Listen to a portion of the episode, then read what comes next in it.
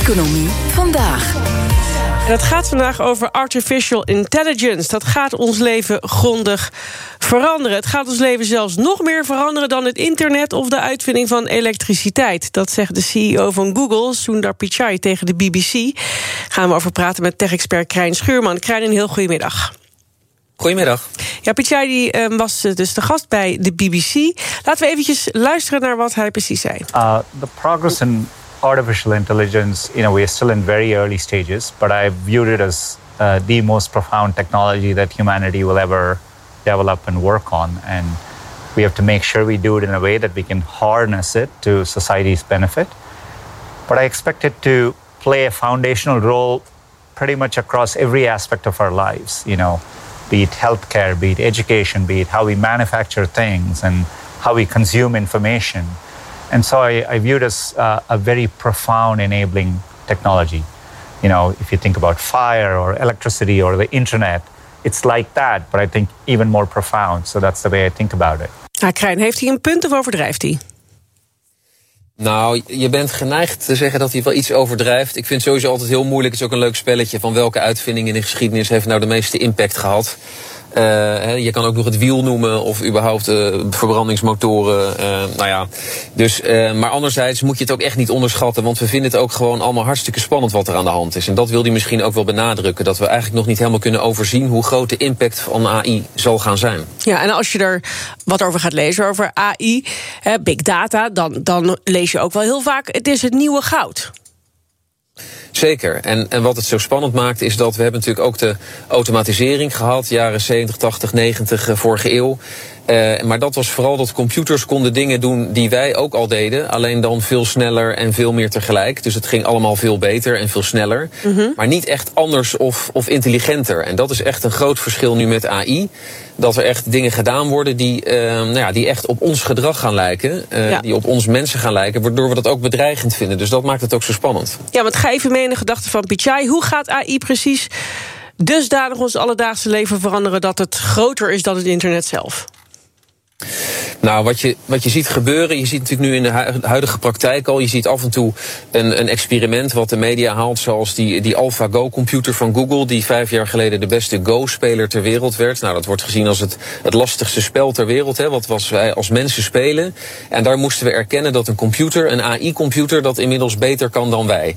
Dus dat is een soort nederlaag van de mens ten opzichte van de technologie. Mm -hmm. Nou, we zien het nu in, in chatbots gebeuren als je contact hebt met, uh, met een airline of wat dan ook. Nou, dat was eerst krakkemikkig en inmiddels twijfel je... heb ik eigenlijk wel een mens aan de lijn of is het inderdaad een computer? Soms wel. Ik vind uh, het nog met... steeds moeilijk, Krijn. Moet ik eerlijk zeggen. Zeker, dus het, moet, het is ook zo. Maar wat ook wel een belangrijk aspect is... er wordt vaak gedacht, als je maar genoeg data erin stopt... dan wordt het wel slim.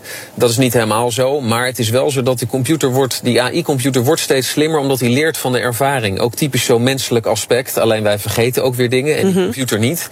Dus we gaan dat wel zien... Uh, en ook commercieel, uh, ook denk ik interessant dat een webshop bijvoorbeeld, laten we een praktisch voorbeeld doen. Dan gaat iemand daar voor het eerst iets kopen. Dan zou je met AI, kan je al meteen een voorspelling gaan doen wat de customer lifetime value wordt. Commerciële term, maar oftewel wat gaat die klant het bedrijf in de geschiedenis opleveren. Doordat hij kijkt naar welk product koop je, maar ook demografische data. Wat voor soort persoon is dit? Dus er worden razendsnel allemaal dingen bedacht die wij als mensen eigenlijk niet meer ja. kunnen doen. Ja. Ook medisch noemde die. Uh, nou ja, dus het gaat zeg maar figuurlijk ons pet te boven. Ja, ja. En dat, dat is beangstigend, en, maar ook spannend tegelijk. Kun je dan ook al een beetje voorspellen wat de economische gevolgen op de lange duur zouden kunnen zijn van deze ontwikkeling? Nou, het eerste wat je natuurlijk voortdurend hoort, ook als het gaat om robotisering, want robots zijn natuurlijk vaak AI-computers, is uh, help, uh, ze pakken onze banen in. Mm -hmm. Ook daar is wel een parallel te maken met automatisering, want uh, dat heeft allerlei werk overbodig gemaakt, waarvan we overigens misschien wel blij mogen zijn dat we dat werk niet meer hoeven te doen. Maar de automatisering, de IT, heeft natuurlijk heel veel banen gecreëerd. Hetzelfde ga je nu zien, dat we hebben nieuwe soort rollen nodig om die AI te kunnen managen en om er iets moois mee te doen. En nou, een bekende rol is data scientist. Ik zie nu overal waar ik kom bij bedrijven, uh, zijn ze heel erg gewild en heel populair, die knappe jongens en meisjes. Vijf jaar geleden werd je glazig aangekeken, wie is dat?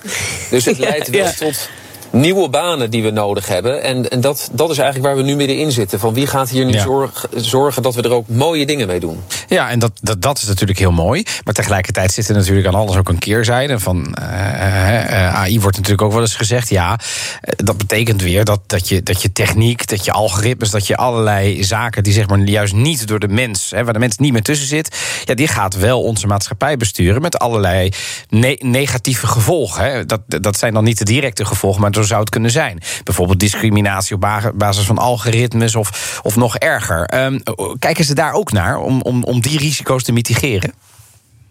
Ja, dat is, dat is een heel terecht punt. Vaak zijn dat in mijn ogen wel voorbeelden dat we dus zelf eigenlijk niet meer snappen uh, wat we de computer voor ons laten doen. Precies. Dus je gaat inderdaad dingen beoordelen. En dat is, uh, dat is dus nu het gevaar. Dan geef je het in mijn ogen wel te vroeg uit handen. Net als dat je van Facebook mag verwachten dat hij weet hoe zijn eigen algoritme werkt. En dat je niet kan zeggen, ja sorry, dat heeft het algoritme bepaald. Dit is wel jouw algoritme. Ja. En dat was ook Stephen Hawking, hebben we ook, nou, natuurlijk een bekende natuurkundige, die zei ook, het is een prachtige ontwikkeling, maar misschien moeten we wel een soort wereldbestuur voor AI gaan inrichten. Dus dat er uiteindelijk toch weer een groep mensen is die in ieder geval in charge blijft van wat die AI allemaal doet. Ja. En dat lijkt wel een beetje een tegenstelling, dus dat is wel lastig. Nou ja, en je zou ook zeggen, als het inderdaad het nieuwe goud is, als het een nieuw economisch verdienmodel is, dan zou het ook mooi zijn als je het kunt delen, als mensen het kunnen delven, als je er aandelen in kunt krijgen, als niet alleen maar een bedrijf als Google daarvan profiteert, bijvoorbeeld, als bijna monopolist. Zeker. En er zijn natuurlijk sowieso al genoeg mensen die zeggen: nou ja, als je ergens geen monopolie in wil, als er een technologie is waar we geen monopolie op uh, willen, dan is het AI. En in die zin is het per definitie natuurlijk een hele gevaarlijke ontwikkeling als Google afstevend op zo'n monopolie. En dat, mm -hmm. dat, dat, gebeurt doordat zij natuurlijk op zoveel data zitten. En data is echt wel de voedingsbodem van die AI. Ja, precies. En ze maar delen het niet, hè? Dus, dus, als je, hè, terwijl goud, zou je kunnen zeggen, uh, zou, daar kan iedereen zijn hand op leggen. Moet je. Geld verdienen natuurlijk, maar je begrijpt wat ik nee, bedoel. Dat is deelbaar. Zeker. En er zijn natuurlijk ook bewegingen die zeggen dat wij met z'n allen dus aandelen in al die bedrijven moeten kopen. Omdat we dan in ieder geval invloed hebben. Mm -hmm. Maar hadden we misschien wel iets eerder mee moeten beginnen. Want het is nu natuurlijk best wel lastig om een serieus aandeel te krijgen. Ja. Dus het is, wel, uh, het is best wel in die zin een lastig ding. Dat het inderdaad iets moois is. Maar jullie zeggen ook terecht, maar er zijn ook spannende dingen. En hebben we daar nog wel voldoende grip op? Ja. ja ik heb daar nog geen geruststellend antwoord op. Nee, dat, dat is echt nog wel lastig. En u zit met overnames bij bijvoorbeeld kleine bedrijven die AI uh, allerlei capaciteiten ontwikkelen. Zie je dat, dat veel bedrijven die, die technologie overnemen? Ja, uh, zeker. Sterker nog, er zijn natuurlijk ook mensen die dat helemaal in de gaten houden, net als patenten. Maar die overnames zijn vaak een indicatie van uh, wat die grote bedrijven doen. Dat is natuurlijk sowieso een deel van hun RD, door gewoon bedrijfjes op te kopen die dit doen. Want ze hebben weliswaar de data, maar dat wil niet zeggen dat ze per se technologie hebben die daar ook chocola van kan maken. Want uh, bedrijven als Apple en Microsoft of Salesforce bij de grote bedrijven, die, die doen dat ook. Die proberen met, met verkoopdata en zo slimme dingen te doen. -hmm. Dat is natuurlijk niet per se goed. Het is natuurlijk heel mooi als zo'n grote partij bij je aanklopt. Het is heel, heel eervol. Ja. Maar we willen natuurlijk juist dat wij nog iets te kiezen hebben als consument. Ook op dit vlak. Dus dat het... is denk ik belangrijk om in de gaten te houden. Ja, dus als het echt het nieuwe goud wordt... waar iedereen dan een beetje van zou mee profiteren... dan zou toezicht wel wat scherper mogen. Ja, en dan is het misschien voor een volgende keer... bij wie moet dat toezicht, toezicht dan liggen. Ja. Uh, maar in ieder geval moeten we er ons in... Precies. Ja. Uh, moeten we er ons wel in verdiepen. Hè? Er is ook de, AI, de nationale AI-cursus, AI als ik die nog even mag noemen, AI-cursus.nl. Dat je in ieder geval kan zeggen, ja, het is wel onze verantwoordelijkheid. Misschien niet van alle Nederlanders, maar toch wel voor een deel. Om je mm -hmm. in ieder geval in het onderwerp te verdiepen, zodat je snapt wat er gebeurt om je heen. Dankjewel. Ter expert Krijn Schuurman.